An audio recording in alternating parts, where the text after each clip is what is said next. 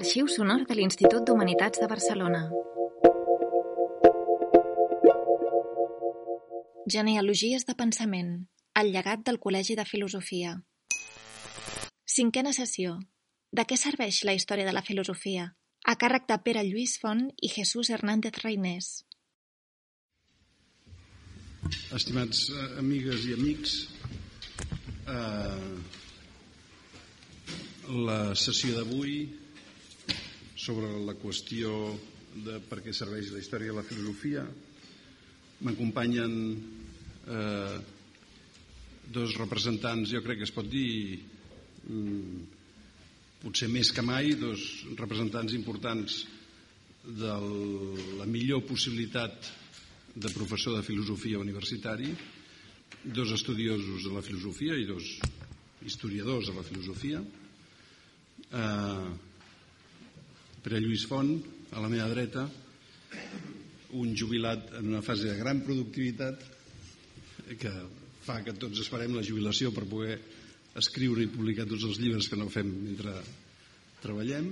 I a la meva esquerra el Jesús Hernández Reinés encara no jubilat. Eh, un expert en Aristòtil i en la filosofia grega. Eh, vam quedar que començava a parlar el Pere Lluís. Sí. i eh, jo com sempre adoptaré un paper totalment de retirada al fons de l'escenari. Quan tu vulguis. Molt bé, gràcies Jordi. Eh, bona tarda. Eh, el Jesús estimat més que comenci jo. Per tant doncs eh, començo amb el tema de què serveix la història de la filosofia encara que en aquests dies eh, convulsos un se sent gairebé ridícul intentant parlar raonablement sobre un tema que aparentment està bastant lluny del neguit actual, que no és precisament saber per què serveix la història de la filosofia. Eh, per mi és una satisfacció de participar eh, en aquest eh, en aquesta commemoració del Col·legi de Filosofia, eh, una institució que va néixer eh, responent a una necessitat segurament eh, resultant de, de la situació de la docència a la filosofia de la universitat, a la, a la filosofia a la universitat, a les universitats espanyoles i a la Universitat de Barcelona en particular, eh, una necessitat que jo no sentia, perquè jo havia estudiat la filosofia a França, eh, tenia una altra mentalitat, no havia patit eh, la situació que va donar lloc al, naixement del Col·legi de Filosofia i, per tant, per mi això representava una, un avantatge, però al mateix temps eh, també una pega perquè eh, tenia una certa dificultat per integrar-me i per anar trobant eh, el meu lloc. Eh, em sembla que era l'any 1981 que hi vaig fer de totes, de totes maneres una, una conferència em sembla, devia ser l'any que jo vaig entrar formalment al Col·legi de Filosofia i vaig fer una, una conferència titulada El meu cant eh? i en tinc molt bon en tinc molt bon, molt bon record eh? Eh, per tant ja era una qüestió un, una conferència sobre la història de la filosofia i encara estic amb això el tema que ens han assignat és de què serveix la història de la filosofia. Mm, la meva resposta és que serveix principalment per aprendre l'ofici de, de filòsof. Per tant, la gran pregunta, si de cas, és per què serveix la filosofia. Però aquesta no la contestaré jo, eh, donaré per suposat una certa concepció de la filosofia eh, però no la contestaré jo, dic, perquè doncs, eh, hi ha altres companys que estan encarregats de fer-ho i en particular eh, hi ha les intervencions del darrer dia que tenen per títol Què pot la filosofia? Eh? Bé, dic que serveix, a mi em sembla, serveix per aprendre el métier, eh? l'ofici eh, de, de filòsof, perquè mm, és un ofici, és un métier. Eh, per tant, quan es diu que tots som filòsofs, o es parla de filosofia per a nens, etc. Doncs eh, bé, jo no ho discutiré pas, però eh, en sentit estricte em sembla que eh, la filosofia és una altra cosa, és una cosa que es fa eh, metòdicament, eh, que s'ha d'aprendre, eh, que s'ha d'aprendre, eh? i la meva convicció és, per dir-ho amb un filòsof que ara no coneix ningú aquí, eh, Leo Bresvik, que va ser el mestre dels meus mestres de filosofia eh, a França, eh, la història de la filosofia és el laboratori del filòsof. La història de la filosofia és el laboratori del filòsof. I per què? Doncs perquè eh, al llarg de la història mm, s'ha pensat ja gairebé tot. I no solament s'ha pensat gairebé tot entre tots els filòsofs, sinó que qualsevol dels grans filòsofs eh, ho ha pensat gairebé tot. I, per tant, la nostra feina és fonamentalment repensar si no volem mm, descobrir la sopa d'all, no? Eh, si no volem dir ingenuïtats, si no volem mm, que ens costi molt d'arribar eh, en certs punts on ja eh, s'ha arribat des de, fa, des de fa molt de temps. Eh, Resumint-ho, això vol dir que pensar, repeteixo, és repensar, eh, repensar. Repensar des de la nostra situació eh, cultural eh, actual. Mm, jo he estat 40 anys eh, professor d'Història de la Filosofia a la universitat i, per tant, he tingut tot el temps del món per per donar toms en aquesta qüestió de per què serveix la història de la filosofia, és a dir, per què serveix allò que jo estava fent. No? I eh, fa una dotzena que vaig intentar formular una resposta. És a dir, casualment, eh, en Jordi eh, Ibáñez eh, ens va proposar eh, de parlar d'un tema eh, amb una pregunta de què serveix la història de la filosofia, a la qual jo havia contestat per escrit fa una dotzena d'anys i per tant li vaig dir de seguit que sí, perquè això no, no em costava gaire i eh, ja no tinc edat per canviar gaire eh, algunes, algunes idees que, eh, que he tingut al llarg de tota la vida i que eh, les he posat a prova precisament eh, en, la, en la pràctica. No? De manera que mm, el que faré eh, ara és eh, expressar eh, pràcticament en els, mateixos termes en què ho tinc escrit des de fa eh, una dotzena d'anys eh, aquesta, aquesta resposta eh, de què serveix la història de la filosofia o per què serveix la història de la filosofia en set punts. Eh? En set punts no us espanteu, eh, encara que siguin set, que són molts, segons com, eh, però aniré de pressa, i per anar de pressa i per estalviar temps, gairebé em limitaré a llegir eh, en, petites, en petites glosses. Eh? De què serveix la història de la filosofia? O per què serveix la història de la filosofia?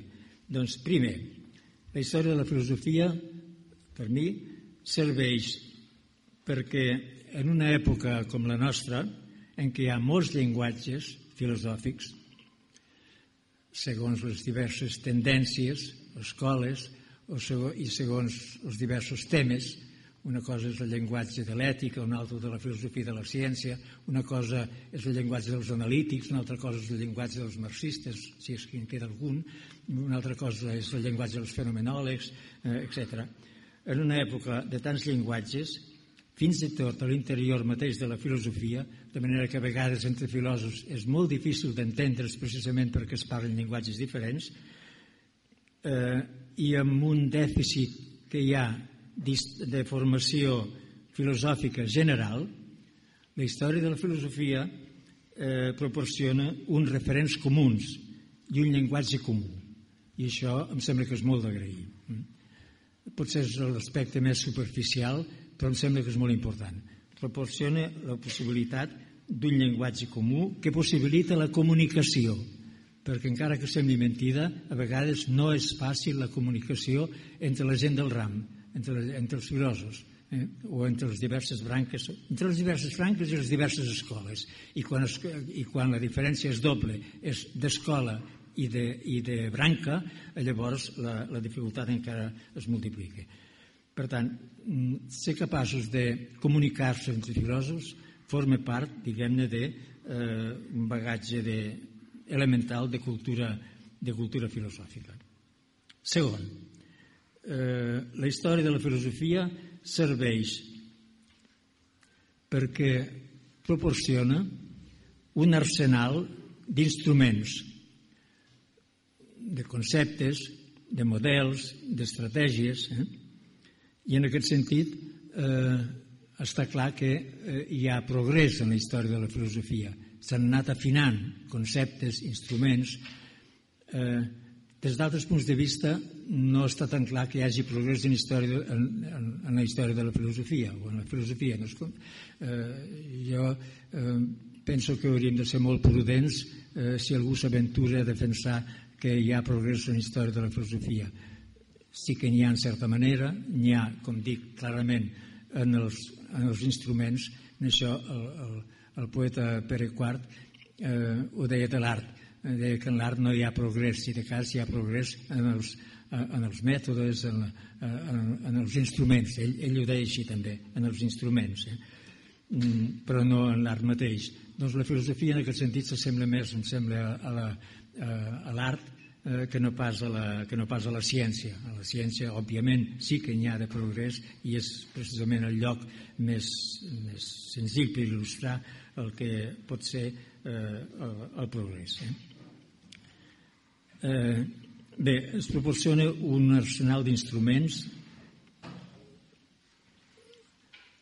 d'eines que es van perfeccionant amb el temps, amb el temps i amb l'experiència. Eh?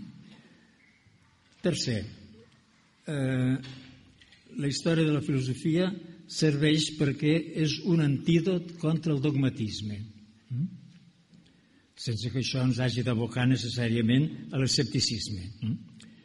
És un antídot contra el dogmatisme perquè és una escola de relativització, que òbviament eh, no s'ha de confondre amb el relativisme. El dogmatisme i l'escepticisme eh, són dues postures simètriques a les quals és fàcil deixar-se anar. Eh? El que és difícil és eh, l'actitud aquesta que s'acostuma a, qualificar de, de, de pràctica de l'esperit de l'esperit eh, crític.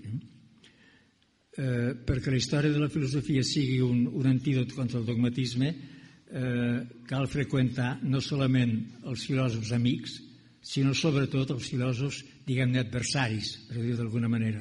I em sembla que és aconsellable de passar més temps amb els adversaris que no pas, eh, que no pas amb els amics. I s'ha de saber, d'altra banda, una cosa que, que diu un historiador francès de la filosofia, al qual m'agradaria semblar-me, eh, però que em queda molt lluny des d'aquest de, punt de vista de la capacitat, eh, eh, que es deia Henri Gouillet, que deia que els grans desacords entre filòsofs són desacords prefilosòfics. La qual cosa vol dir que les diverses filosofies són en una bona mesura una mena de racionalització de la pròpia postura personal davant de la vida. Nietzsche també deia una cosa semblant. Eh? Eh, quart, la història de la filosofia eh, serveix perquè, és un, perquè l'itinerari filosòfic individual reprodueix, en certa manera, l'itinerari col·lectiu de la filosofia. De manera semblant a com els biòlegs eh, diuen, o deien, no sé si encara ho diuen, eh, que l'ontogènesi reprodueix la filogènesi. Mm? Plató també deia que eh, l'individu eh, és, eh, o que la societat és com l'individu eh, en majúscules. No? I eh, qualsevol de nosaltres pot fer l'experiència que algunes de les preguntes que es feien, per exemple, els presocràtics, els que van iniciar eh, la filosofia. Eh? Eh, per tant, en, en el moment que podríem qualificar d'infància de la història de la filosofia, s'assemblen molt a les preguntes de la nostra infància filosòfica. Jo no sé si he deixat de ser infant en matèria de, de filosofia, perquè encara em faig preguntes com dels presocràtics i encara m'apassionen els presocràtics i encara m'agrada d'estudiar de, de, de, els presocràtics eh, com si fossin eh, com si fossin contemporanis nostres. Aquesta és una manera molt, molt britànica de fer història de la filosofia, tractar els, els diversos autors de les diverses èpoques com si fossin eh, com si fossin contemporanis nostres i preguntar si tenen raó en allò que diuen. Eh? Bé. Cinquè, la història de la filosofia eh, serveix perquè conèixer el passat ens permet de conèixer el present. I en això, això val de la història de la filosofia i de la història en general. Eh? El Joan Fuster deia que eh, la història és sobretot explicació del que som, eh? perquè som, en certa manera, el resultat del, que, de, del, nostre, del nostre passat. Eh? Umberto Eco també ho deia, això. Deia que només quan treballem el passat entenem el present. Eh? La història ens fa baixar al soterrani de nosaltres mateixos per fer intel·ligibles capes superiors més recents de la nostra cultura. Mm? Es fa rascar en el, en el subsol. Eh? És com un treball d'arqueologia que fa descobrir els estrats de la nostra geologia cultural, perquè també aquí podem dir que res no es perd, eh? tot es conserva. Eh? I si som com som eh, és perquè hi ha hagut platònics i aristotèlics i estoics i epicuris i cartesians, etc. I nosaltres, sabent-ho o no sabent-ho, som també una mica estoics, epicuris, platònics, eh, aristotèlics, cartesians, eh, etc. Eh, com que estem en una tradició, em sembla que és bo saber de qui som fills, per tant, qui tenim al darrere. Eh? Eh, la història de la filosofia fa una funció d'anàmnesi, de memòria de la tribu, eh? de memòria de la tribu. I és dolent no tenir memòria. Eh? Encara que, com tota memòria, la de la filosofia també és selectiva, de tal manera que no solament cada època, sinó cada filòsof, cada individu, escull fins a un cert punt el seu passat filosòfic, perquè fa una tria, eh? sabent-ho o sense saber-ho, amb consciència o sense. Eh? En tot cas, no estudiar el passat per atendre el present seria un frau que un es faria a si mateix. Seria renunciar a tenir gruix cultural. Igual com refugiar-se refugiar, -se, en el passat per evadir-se del present seria una coartada. Sisè, eh, la història de la filosofia serveix perquè ens posa a l'escola dels grans filòsofs, que són els veritables mestres. Els altres, amb una mica de sort, són professors, simplement. Eh?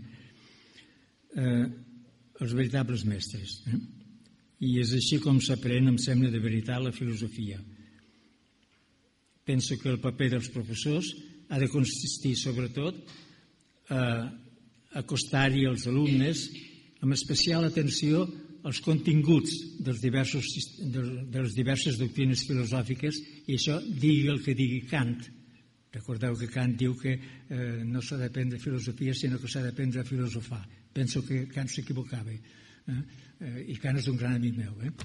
Eh, mm, però no, s'ha d'aprendre filosofia, s'ha d'aprendre continguts, perquè si no és treballar en el buit, eh? treballar en el buit. El que importa, em sembla que és refer l'experiència intel·lectual dels grans filòsofs. Eh? Eh, I per això eh,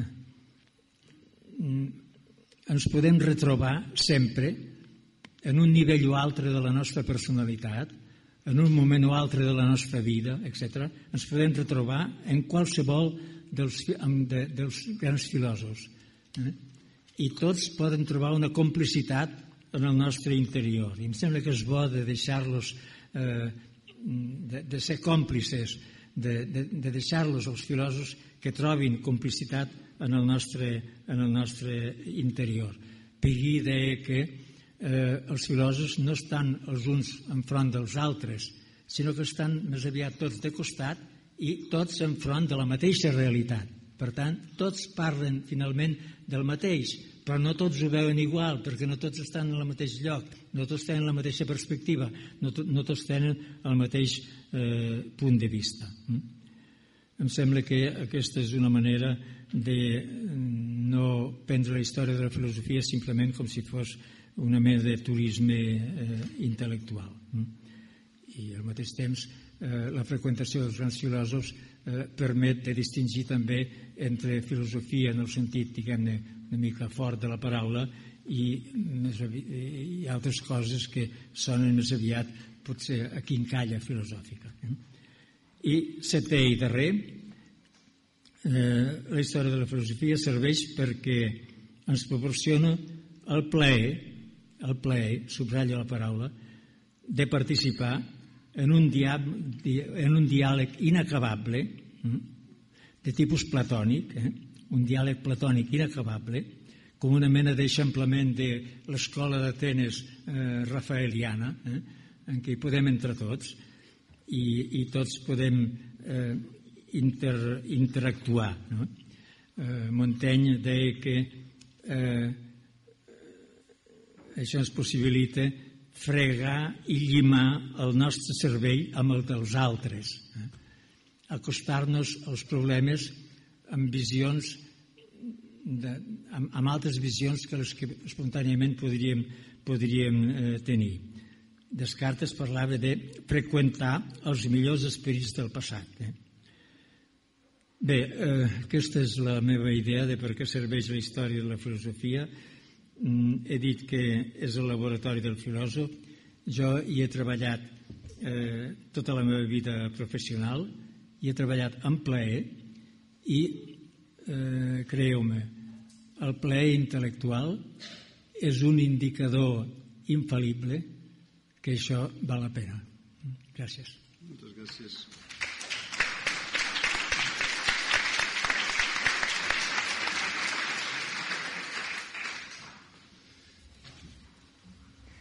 Bueno, gràcies. Eh, primer a tots vostès per ser aquí. Eh, és per mi un plaer estar en la mateixa taula que el Pere Lluís, sempre és un honor. I vull agrair també al, Jordi Ibáñez eh, el seu esforç i el seu encert a l'hora de organitzar aquest cicle i permetre, per tant, que sigui aquí amb tots vostès. Eh, Fa unes setmanes ens van trobar el Pere Lluís i jo i com ja sabien que havien de coincidir aquí vam dir, bueno, com ho fem, no? I és quan va sorgir això que ell ha abocat abans que, que jo vaig dir, bueno, jo crec que has de començar i has de fer la primera intervenció i, i en tot cas jo després faré el que podré darrere teu. Eh, eh, crec que la cosa eh, ha de ser així perquè la seva exposició jo trobo que és eh, impecable en el sentit que no tindria jo manera d'intentar fer el mateix i fer-ho bé i encara menys millor. Eh? Seria una cosa, un resultat maldestre, segur. I tampoc veig que hi hagi una alternativa, eh, perquè davant del plantejament eh, que ell ha assumit, eh, jo crec que les paraules que, que, que ha fet servir, l'explicació que ha fet de, dels, perquè serveix la història de la filosofia és, ja dic, impecable i jo, eh, d'altra banda, la comparteixo. Per tant, jo faré una altra cosa perquè hi pugui haver una mica de eh, diversitat a, a, la, a la taula i és eh, una cosa que podria ser, en certa mesura, un experiment eh, perquè tractaré d'assumir que de la història de la filosofia se'n pot dir una cosa semblant a la que va dir Aristòtil de la filosofia, que és allò quan va dir, més o menys, que la filosofia era inútil, eh, doncs què passa si intentem eh, dir el mateix i que la cosa tingui sentit de la història de la filosofia. Eh?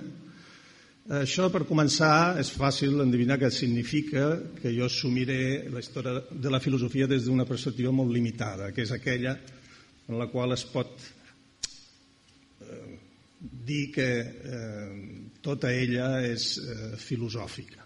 Jo això dic que és molt limitat perquè, eh, òbviament, té altres vessants eh, que no entren dins aquesta descripció. Llavors, suposant que només ens dediquem a pensar en aquella història de la filosofia que té característiques eh, filosòfiques i que, per tant, fer història de la filosofia d'alguna manera significa també filosofar, limitant-nos a això.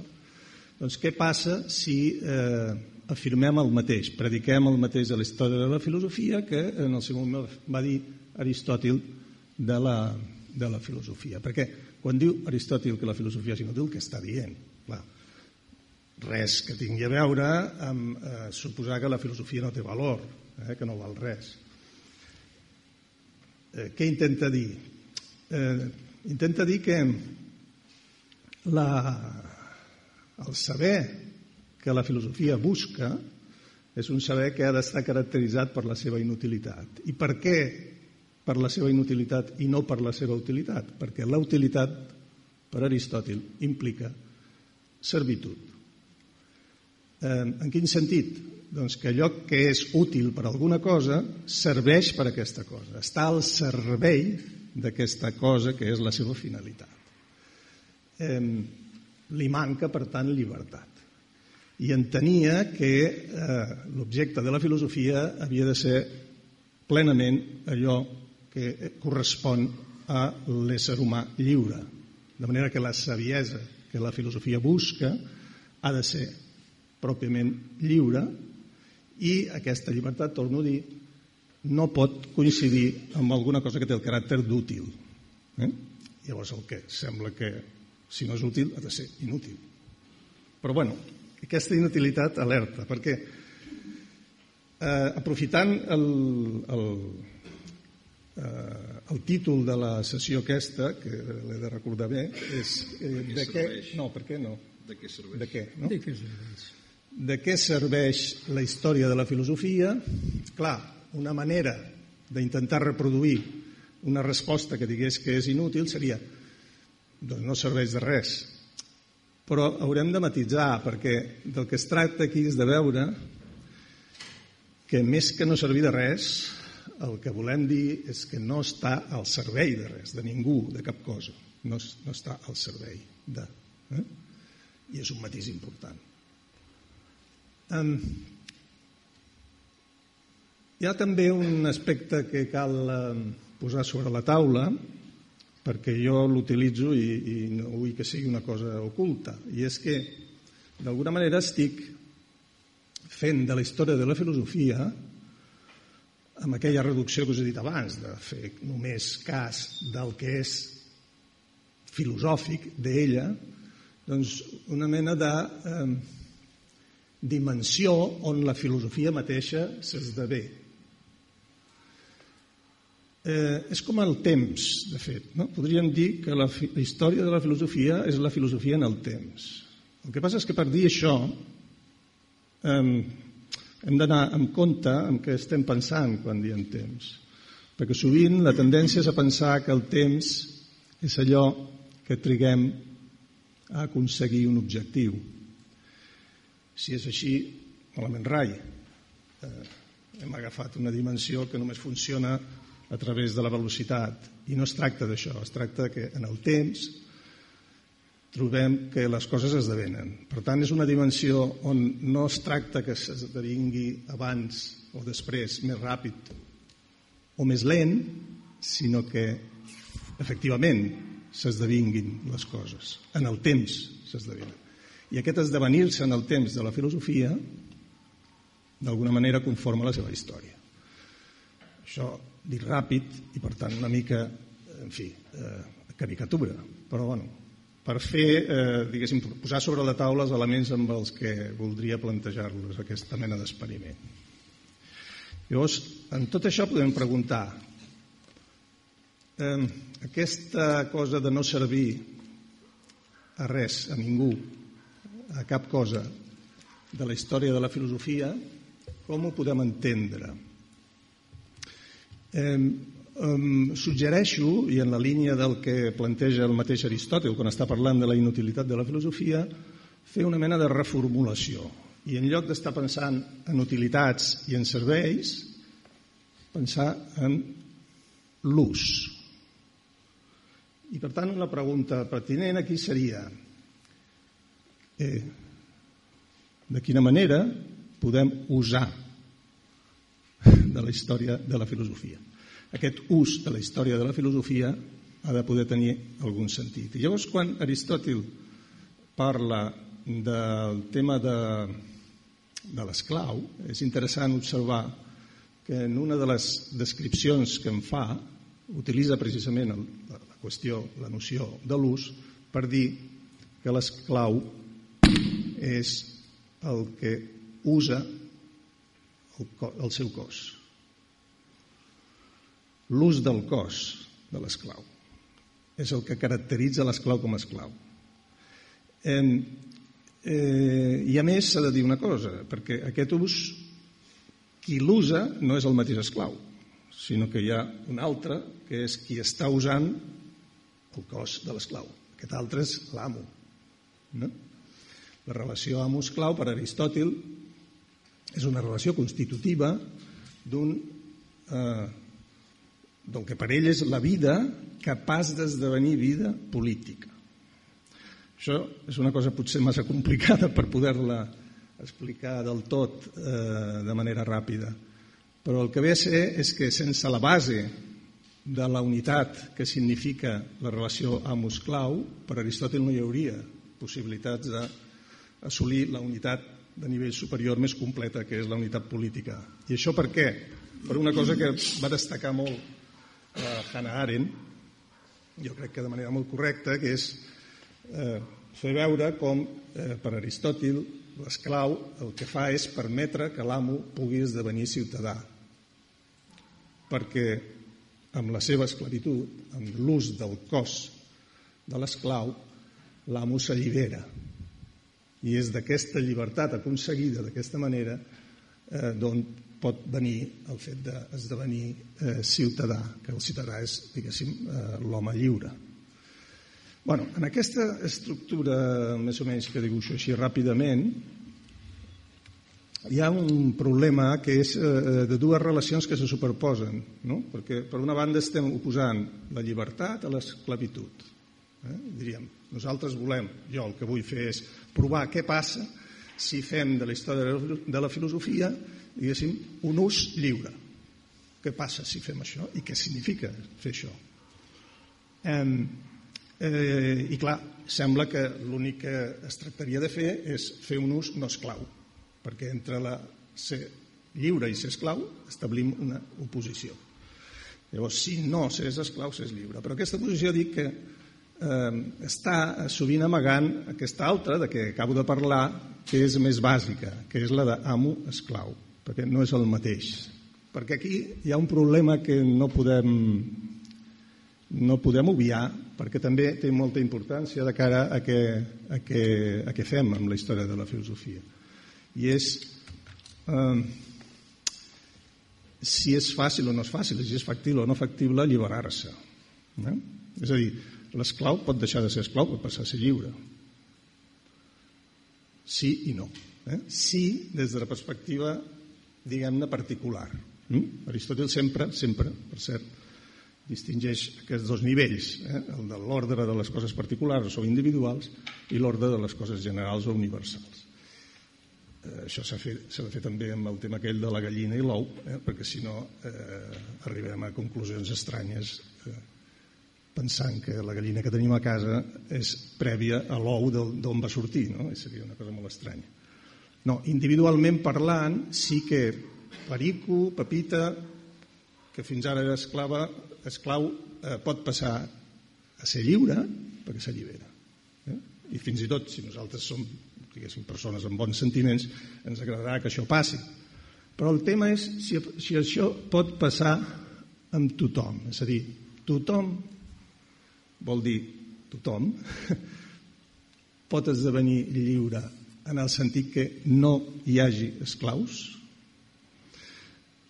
Per Aristòtil això no està clar.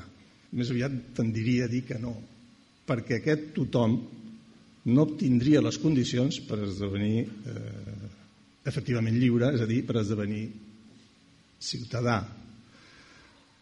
Perquè aquelles necessitats de les quals l'esclau allibera el seu amo, eh, sense que hi hagi aquest alliberament, l'amo no pot ser veritablement lliure.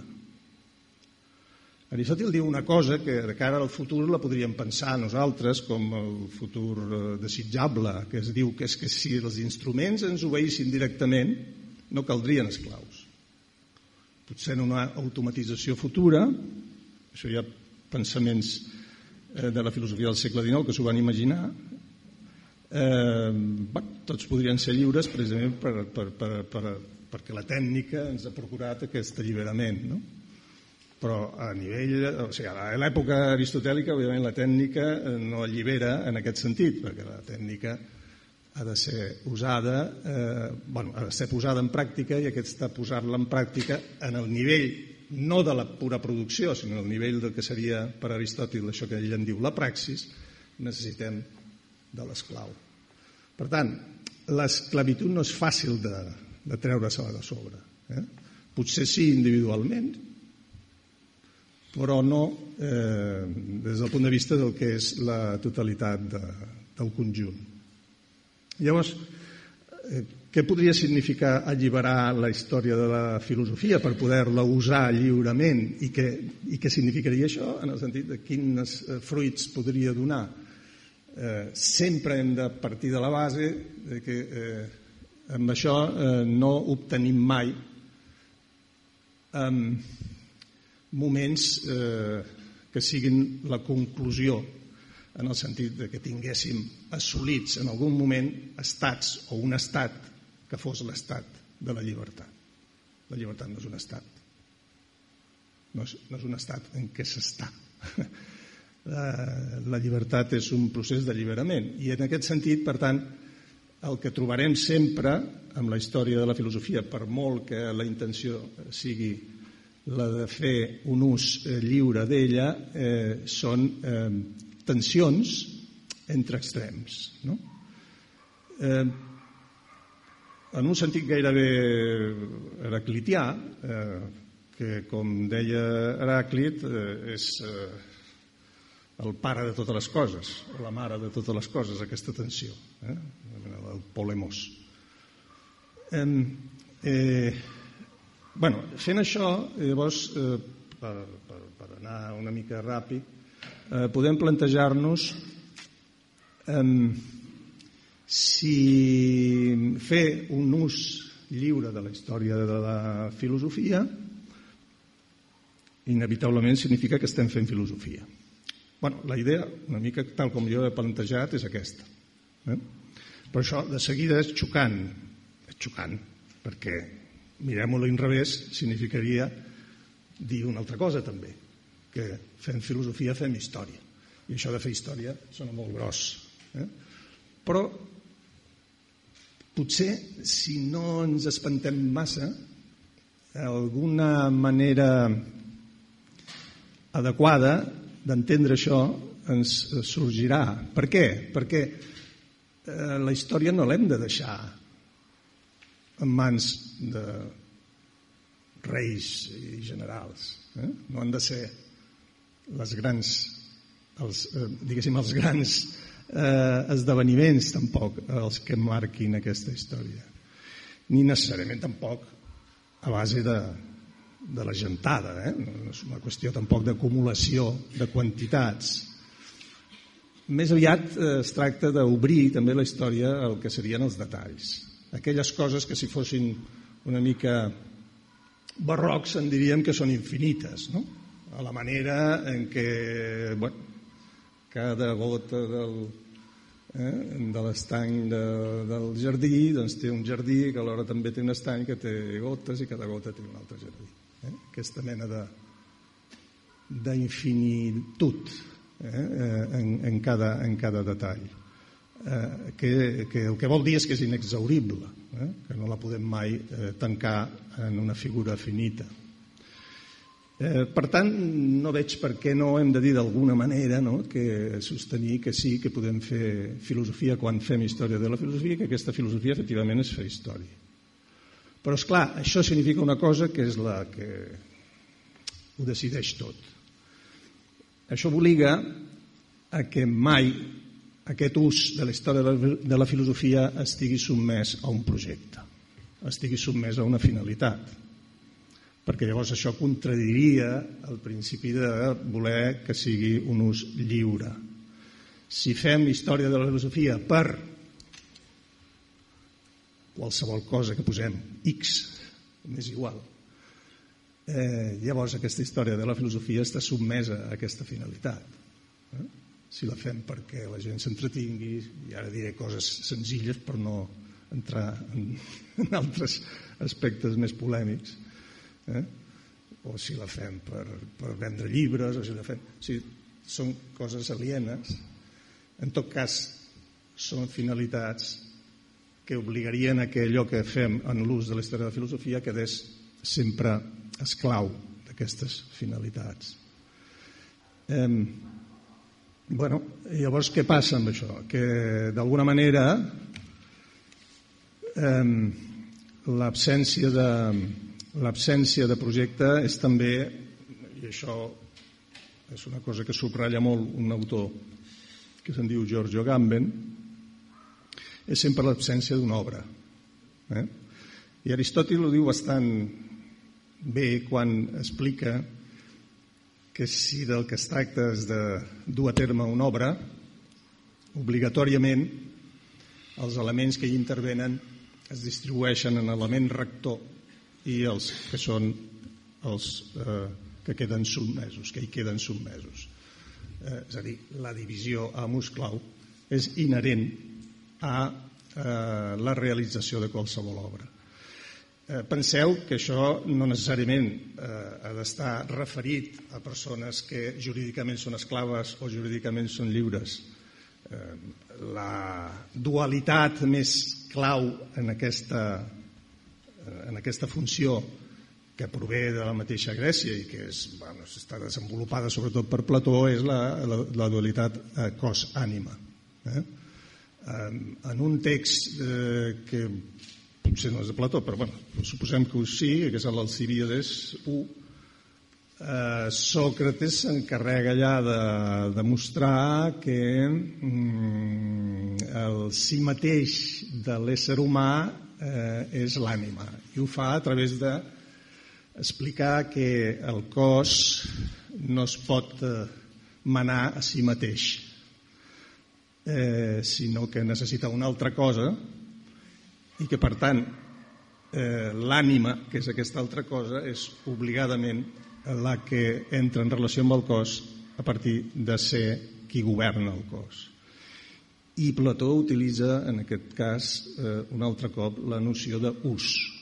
I ve a dir que és contradictori l'ús de si mateix.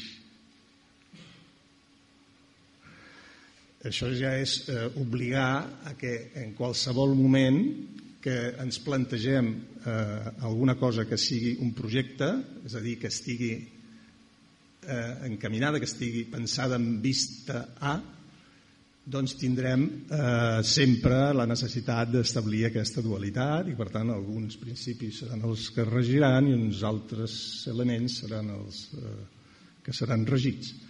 I eh, l'interessant d'això és que eh, quan ens plantegem dient, bueno, podem fer alguna cosa que sigui, com, com diria eh, Agamben, inoperant, no sé, però això ho tradueixes tu millor potser, ho recordo un dia que ho, que ho feies.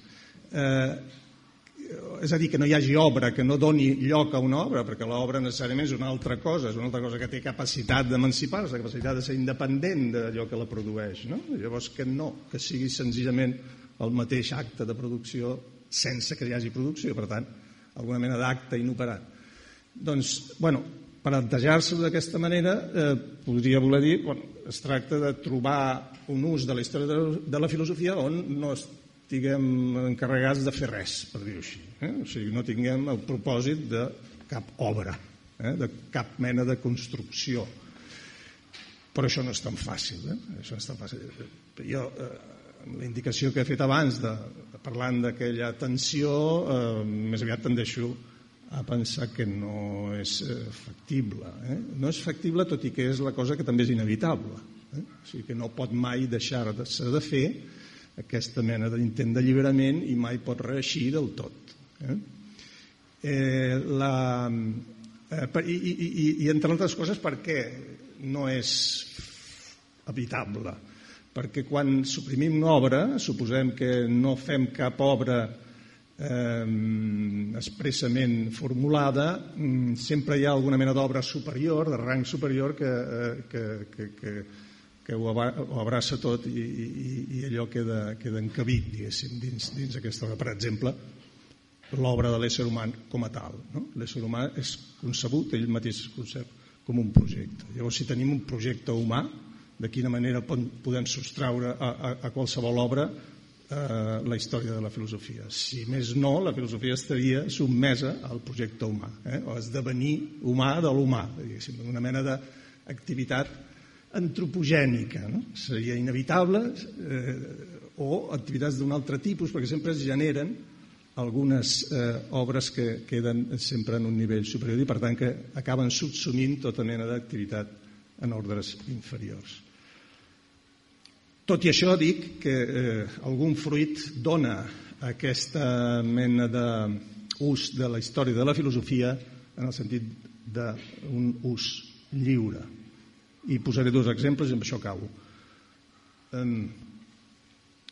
Si, si parlem de d'allò que he dit abans, del problema dels detalls i de, Eh, a veure, eh, el que he estat dient sobre la història de la filosofia en el seu ús lliure vol dir que la història de la filosofia no està bé concebre-la com una mena de compost de matèria i forma, on la matèria serien unes dades, tipus llibres, tipus relacions històriques entre llibres, etc. I després la forma seria una mena d'organització, una organització que es tracta de fer-la, jo que sé, narrativament, es tracta de fer-la conceptualment, i això és la tasca, diguéssim, de qui s'hi dedica a la història de la filosofia. Si ho fem així ja tenim els dos elements i els dos elements ja sempre signifiquen una eh, subordinació d'una a l'altra i estem en una relació que en última instància sempre és la de l'amo la, esclau. Eh, per tant és eh, impossible fer-ho així i alhora pretendre que sigui un ús eh, lliure. I això què significa, per tant? Que l'ús lliure ens obliga a no fer de la, de la història de la filosofia eh, la la construcció de marcs eh, que encabirien tota activitat filosòfica, com si fossin mapes, no? com si fos un territori que s'ha de, que s'ha de eh, descriure a, a través eh, de mapes que marquen els seus, els seus punts eh, principals. Això sempre és una cosa que la història de la filosofia, alhora que segurament ho fa vulgui o no, de fet, us, usar lliurement la història de la filosofia significa desfer tota mena de mapes. Eh? Eh, eh, un altre exemple, eh, el de si podem treure lliçons o no podem treure lliçons de la història de la filosofia. Mm.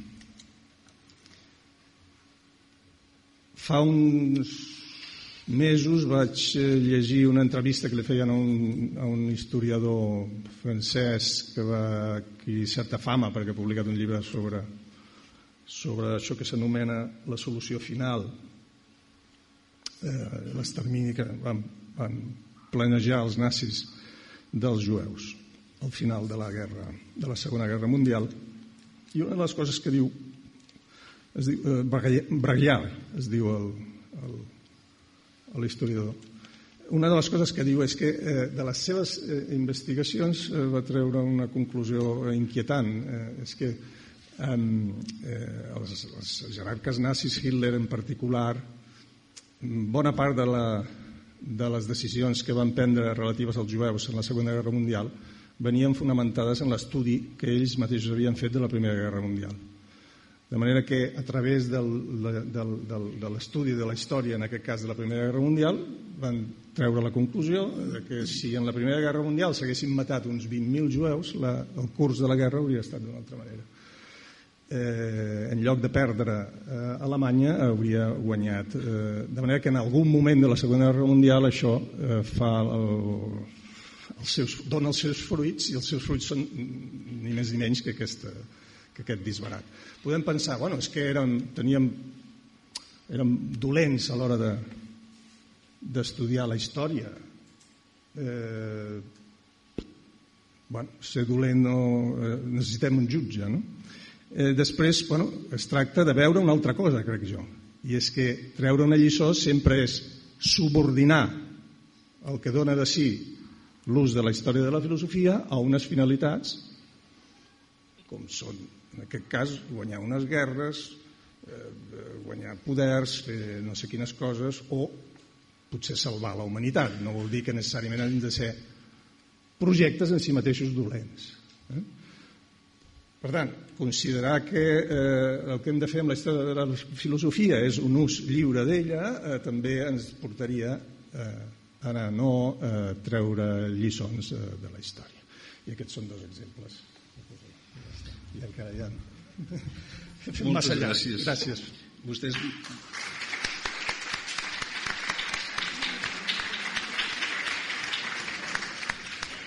Vostès no ho veuen, però no portava cap ratlla escrita. Però abans d'entrar aquí ha signat i ha quedat tot gravat. O sigui es pot transcriure tot el que ens ha dit perquè realment no portava ni una ratlla escrita en el paper.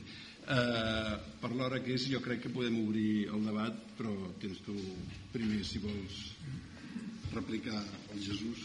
No, no replicar, replicar no, jo m'hi trobo molt, molt a gust en el seu, en el seu discurs. Eh, he notat alguna cosa que potser bé, jo no hauria dit de, de la mateixa manera i no sé si hi ha gaire, gaire distància entre el que pensa i la manera com jo ho veig. Eh, mm, D'acord, la, eh, la filosofia en el sentit utilitari no serveix per res eh, i no ha d'estar eh, subordinada a cap, eh, a cap eh, finalitat. Mm. Eh, el que passa és que estem parlant d'història de la filosofia i em sembla que el que tu deies, o el teu discurs em sembla que val bàsicament de la filosofia més que de la història de la filosofia en ella mateixa, no? Eh, penso en Aristòtil, per exemple. Aristòtil és un gran filòsof, Aristòtil feia filosofia, Aristòtil feia història de la filosofia, sobretot al, començament d'alguns dels tractats tal com ens han arribat, i eh, quan, eh, quan fa història de la filosofia no sé si dona sempre bon exemple, eh, perquè eh, mm, ordena la, la història, la filosofia passada, és a dir, fa història de la filosofia, presentant tota la filosofia passada, eh, ordenant-la de tal manera que desemboca, com per casualitat, en la pròpia filosofia, en la filosofia d'Aristòtil, amb la qual cosa Aristòtil em sembla que dona el model, eh, el primer model d'allò que se n'ha dit a vegades la il·lusió de l'últim filòsof. És a dir, tota la filosofia anterior sembla que vagi orientada cap a, cap a Aristòtil. I en aquest sentit doncs em sembla que fa una mena de filosofia de la història que se superposa que se superposa... El cas de Hegel, pitjor encara, no? Eh? El cas de Hegel, dic, encara pitjor. Eh, el cas de Hegel, molt pitjor. Eh, però per això dic que Aristòtil és el primer, el primer que ho fa, el primer històricament. Eh? Eh, les lliçons... Mm, què ens ensenya la història de la filosofia? Tu dius, eh, no, no hi ha lliçons. Evidentment, la història de la filosofia no s'ha de subordinar a, a cap altra cosa, però mm, això potser no vol dir que, que no ens ensenyi alguna cosa. Experiència.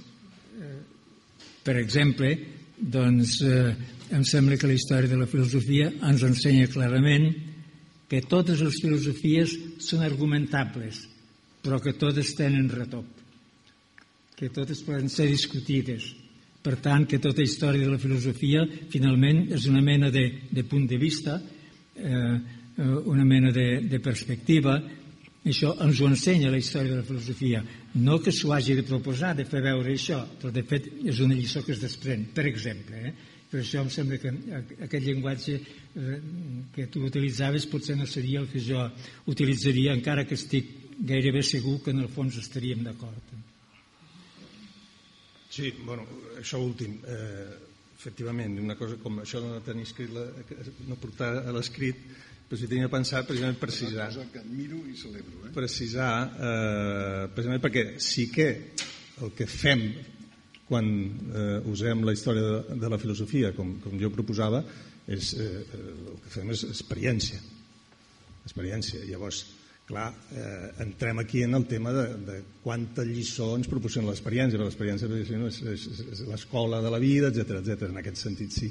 Però estava pensant en una altra cosa i per això he posat l'exemple aquest de, de Hitler, que és a vegades el que es diu quan es diu en general, no només de la història de la filosofia, sinó de la història, que la història ens pot donar moltes lliçons, no? com si mirant la història doncs, no caigués, no, això es pogués evitar de caure en no sé quins errors, etc. Zero. D'acord, totalment. En això d'acord, totalment. Sí. Obrim la conversa a tots vostès. Bona tarda. Jo volia compartir amb vostès el que estic mig reflexionant, mig sentint en sentir ara aquesta conferència. Vaig tenir la sort de ser fa uns quants anys alumne d'en Pere Lluís Font a la Universitat Autònoma de Barcelona i eh, tinc la sort també de tenir un parell d'alumnes de batxillerat que estan asseguts per aquí eh, a les cadires d'allà eh, fa bastants anys que estic fent de professora de filosofia i volia compartir una mica bueno, què vol dir? Una mica la relació, almenys que jo he tingut amb la història de la filosofia, cosa que repeteixo any rere any des de fa més de, de 30 anys els professors d'institut que fem tota la història de la filosofia des dels presocràtics fins on podem arribar un any rere any, un altre però amb la cosa que nosaltres cada any tenim un any més i els alumnes sempre tenen la mateixa edat. Jo volia dir que a mi m'ha estat útil la història de la filosofia. Crec que en l'època en què la vaig estudiar, que era als començaments dels 80, va tenir una utilitat, almenys per la meva generació i segurament per, per gent una mica anterior, en el punt que en Pere Lluís comentava de l'antidogmatisme. És a dir, en un moment en què, tot i que ja estaven en, en crisi, et trobaves, i quan ets jove és llaminer, amb moltes visions prefabricades de la realitat, és molt útil tenir aquesta bateria d'eines que te les fan qüestionar i que t'ajuden a apropar-te a una visió més rica. I diria que en aquests moments la gent que ara està eh, bueno, obrint el, els ulls a tantes coses perquè tenen 17-18 anys i que estan vivint un moment tan diferent, jo penso que espero que també els pugui ser útil, més segurament en el sentit de racionalitzar la seva visió de la, de la realitat, de fer-la més crítica i d'orientar-se enmig de la, de la confusió. I per això em sembla que la mateixa bateria, perquè eh, Plató és, és el mateix, eh, penso que estem davant d'una riquesa inesgotable. És a dir, cada persona que estem en aquesta sala m'imagino que farem un ús o una utilitat, no sé com dir-ne, diferent d'aquest mm, bagatge inesgotable que és la història de la filosofia i que formem part eh, bueno, tots una mica com, com una cadena, com una baula de eh, filòsofs i n'hi hauria, hauria un altre que seríem els professors, els estudiants que després són professors, estudiants que fan una altra cosa que eh, també van donant continuïtat en la mesura en què s'apropen i digereixen cadascuna a la seva manera aquest bagatge que tenim. Gràcies. Moltes gràcies.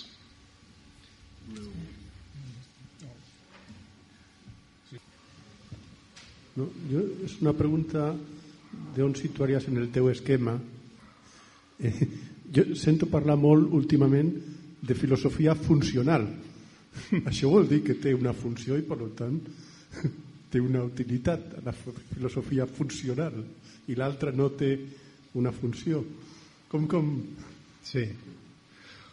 Home, ara, sense tenir jo molt clar què és això de filosofia funcional, eh, el que puc dir és que, a veure, utilitats n'hi ha, jo el que dic és que són extrínseques.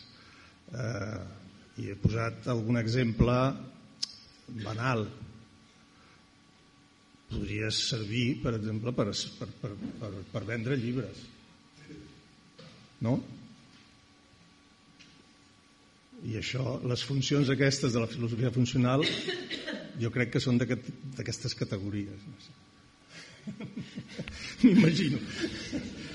Jo, jo crec, eh, puc dir una cosa molt breu, jo crec que el, el Jesús, eh, quan parla d'inutilitat, és molt més malèvol que, ara no recordo el nom d'aquell eh, historiador italià que va escriure un llibre, que s'ha venut molt, per cert, sí. Eh, elogi de la inutilitat. Eh, crec que el, el Jesús eh, ens posa una trampa molt més complexa sobre la qüestió de la inutilitat eh, que no pas la celebració dels sabers inútils. Mm. Sí. Si no t'entens malament, eh? Sí, sí. Com es diu? Ordine? No me'n recordo. Segur que aquí hi ha gent que se'n recorda. Ordine. Ordi, ordine. Ordine, és la paraula. Exacte, ordine. L'ordine. Sí, sí, eh, que ha venut molt. És un llibre bestseller. En primer lugar, agradecer a, a Luis Fong su buena traducción de la historia de la filosofía y de la ciencia de Heimonat, que, vamos, para mí es un, manual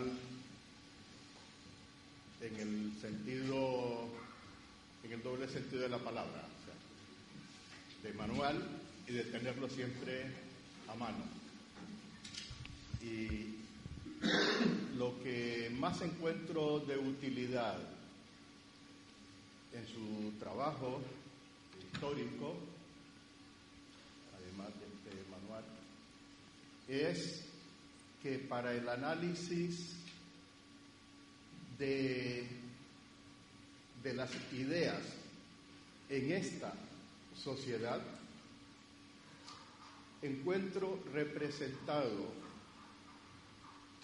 todas las escuelas filosóficas y todas las teorías filosóficas en el presente cuando hago análisis ideológico, cuando hago análisis de los discursos políticos, cuando confronto diferentes opiniones, me, me puedo encontrar un pensamiento que me lo aclara la teoría de Platón, porque estoy encontrando un idealismo objetivo, un idealismo de los objetos que percibimos son apariencias, o puedo encontrarme un idealismo de tipo subjetivo en que la opinión de esta persona o de este grupo,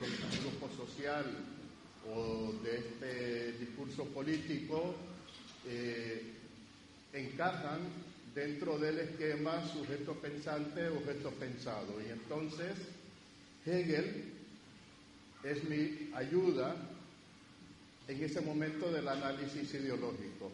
De tal manera que para mí la historia de la filosofía no es pasado. Para, mí la, no es pasado. para mí la historia de la filosofía no es pasado. Para mí la historia de la filosofía es un presente en esta sociedad en el momento en que yo necesito instrumentos para el análisis ideológico.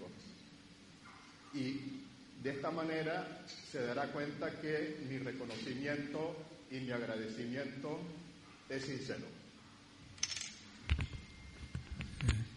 Sí, eh, li agraeixo que hagi dit un, un mot eh, favorable eh, en aquest llibre de, del G. Monat, eh, que jo penso que és, que, és, que és la seva història de la filosofia petita, que em sembla que és més interessant que la grossa. Eh? Eh, perquè és menys ideològica, però fa igualment aquesta, eh, aquest servei de proporcionar instruments d'anàlisi eh, de, de les situacions eh, actuals eh, perquè, eh, en certa manera, en els filòsofs del passat es veu com en filigrana la, eh, la, la situació actual. Eh, I, per tant, jo estaria d'acord a dir que la història de la filosofia és un discurs present. És un discurs present eh, que, eh, en certa manera, eh, modifica el passat en funció de les necessitats del present. De manera que hi ha una mena d'interacció entre el, la manera com el present eh, dibuixa el passat i la manera com el passat ens permet entendre el present. Eh? En tot cas, eh, jo eh, estic mm, molt content d'haver promogut aquesta traducció de, del Geimonat Petit, eh? que em sembla que ha fet un cert servei. Mm. Gràcies. Sembla que em toca més.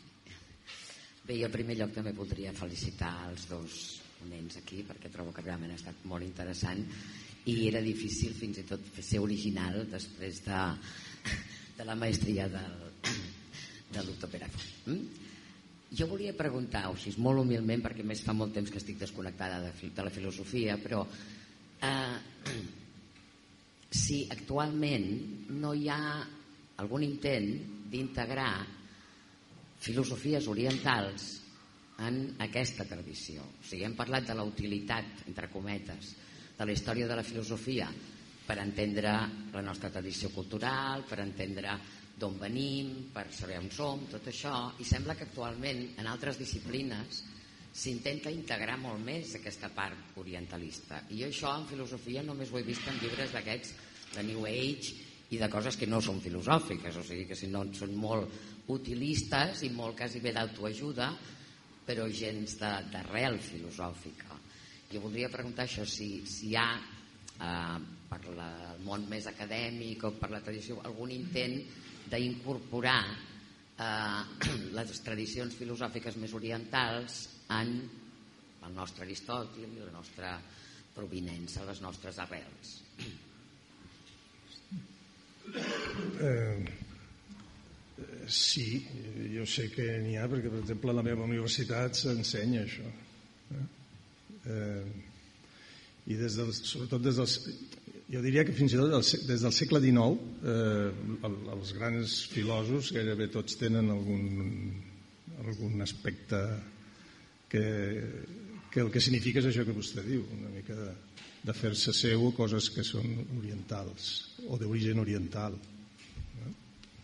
Des de, Hegel, Schopenhauer, Schopenhauer, Schopenhauer eh, el mateix Nietzsche, aquestes coses que diu dels budistes.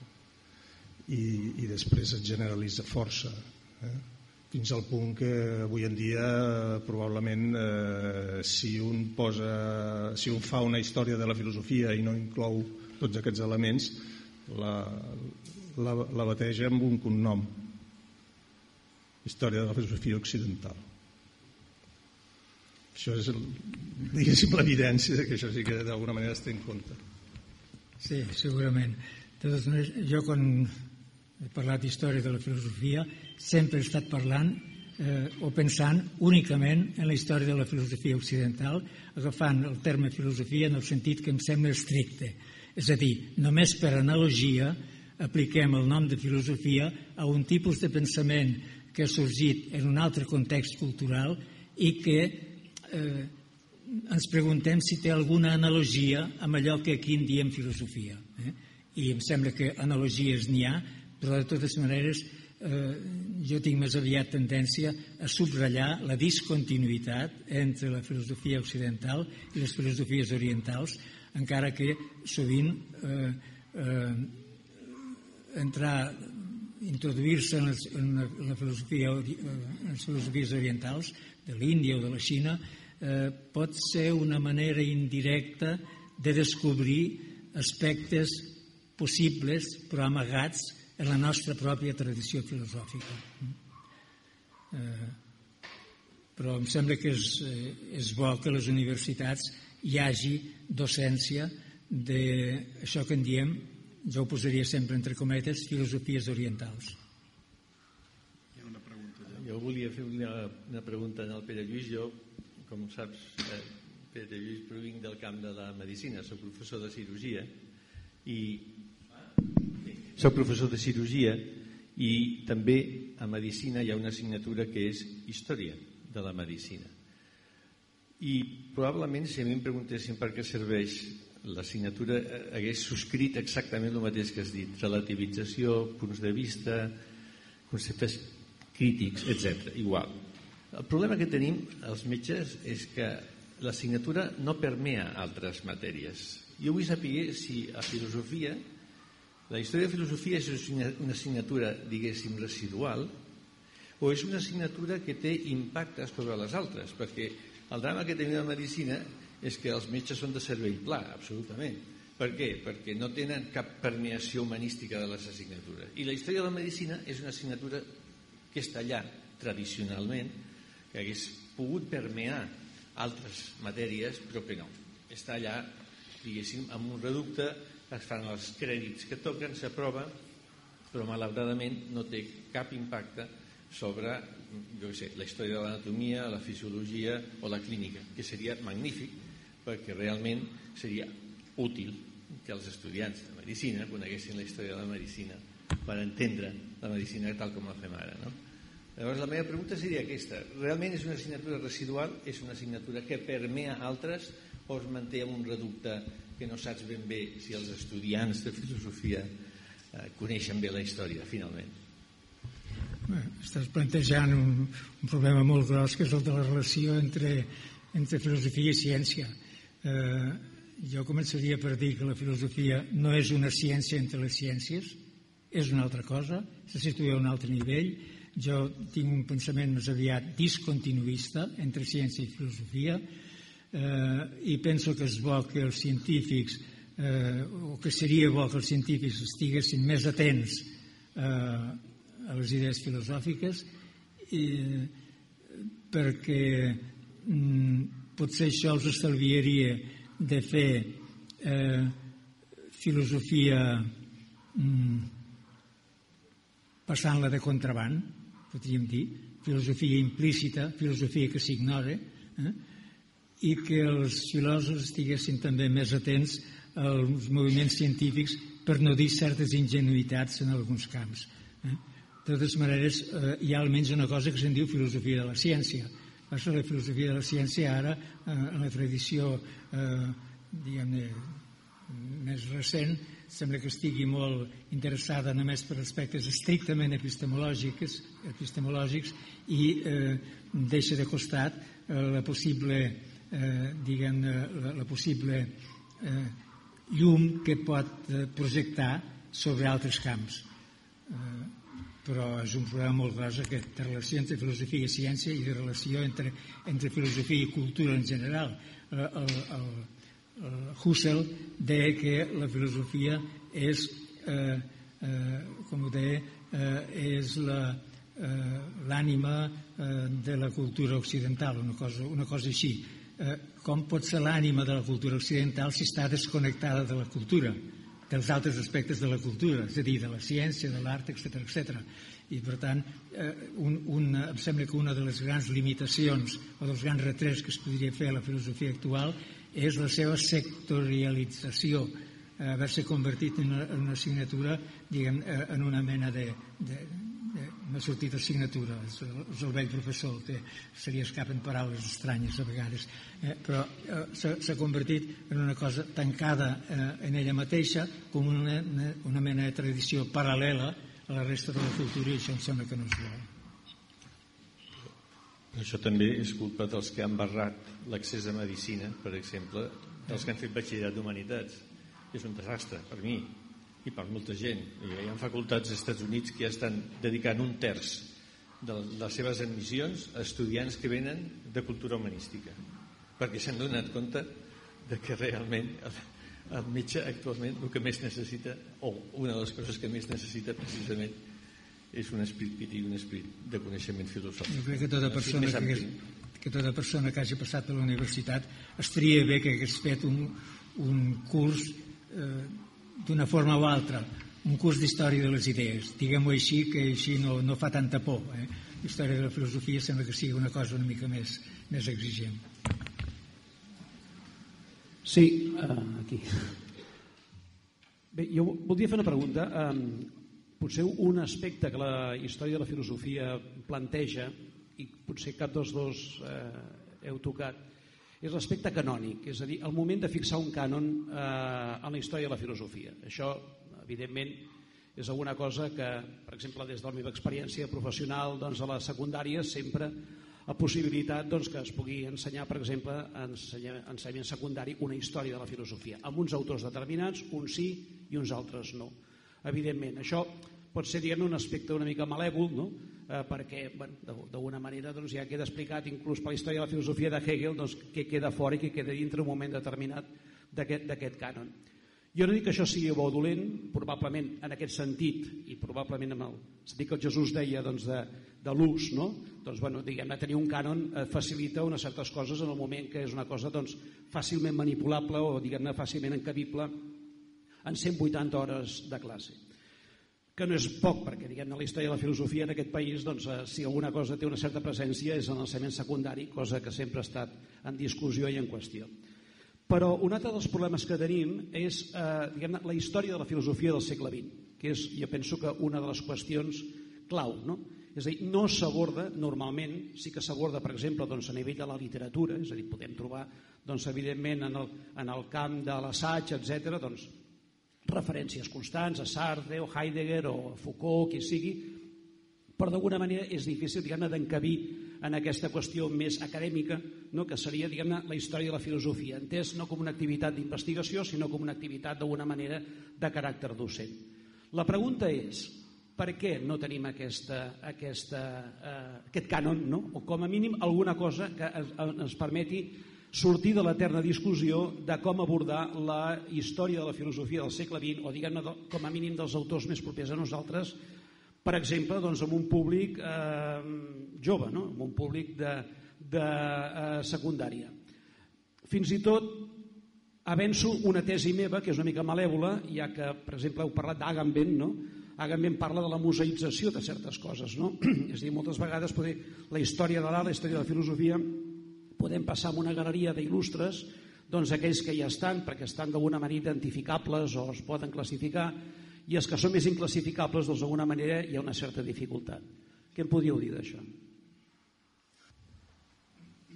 Sobre el cànon, eh, després, eh, sí, després utilitzaré una cosa sobre, sobre eh, o sigui, diré alguna cosa sobre el cànon en general, no tant la qüestió de, de la, del ciment de secundària. Eh, com a exemple, un tercer exemple d'això que he dit abans, de què passa si usem de manera lliure la història de la filosofia, què passa amb això del cànon.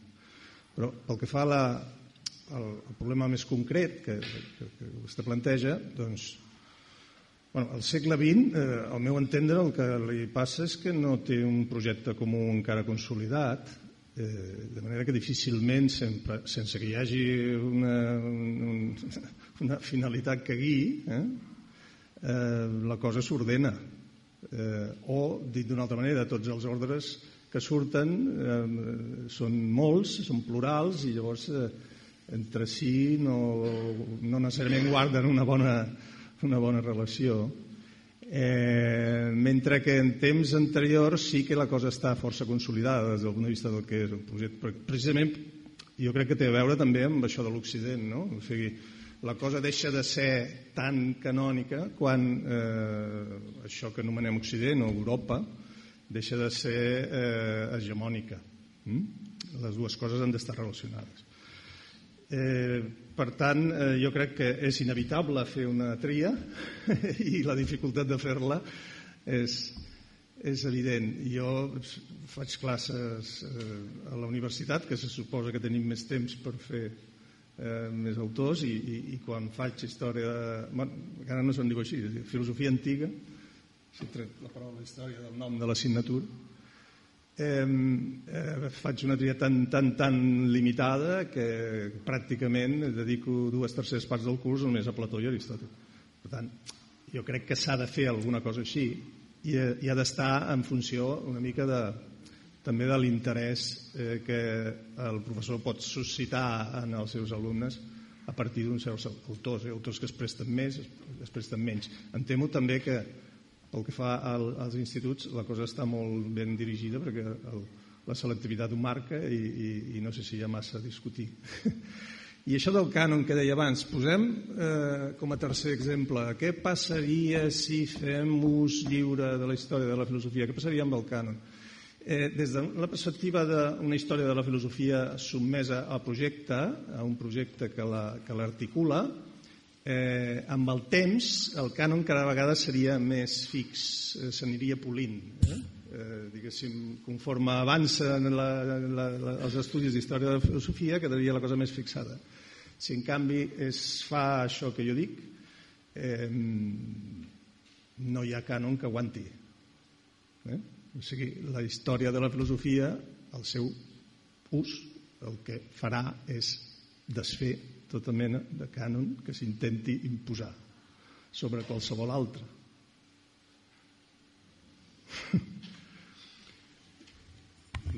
Puc, puc afegir una, una cosa sobre això del cànon eh, no, no sé ara ahir justament vaig tenir una trobada amb, amb professors de filosofia secundària per, hi ha una olimpíada filosòfica vosaltres ho sabreu jo no ho sabia i, i vam estar parlant molt Eh, I aquesta qüestió va aparèixer d'una manera que no em va acabar de quedar clar, però sí que recordo la filosofia que jo vaig fer, el que es deia BUP a la meva època, i COU, i el cànon no era tant d'autors com de qüestions i problemes.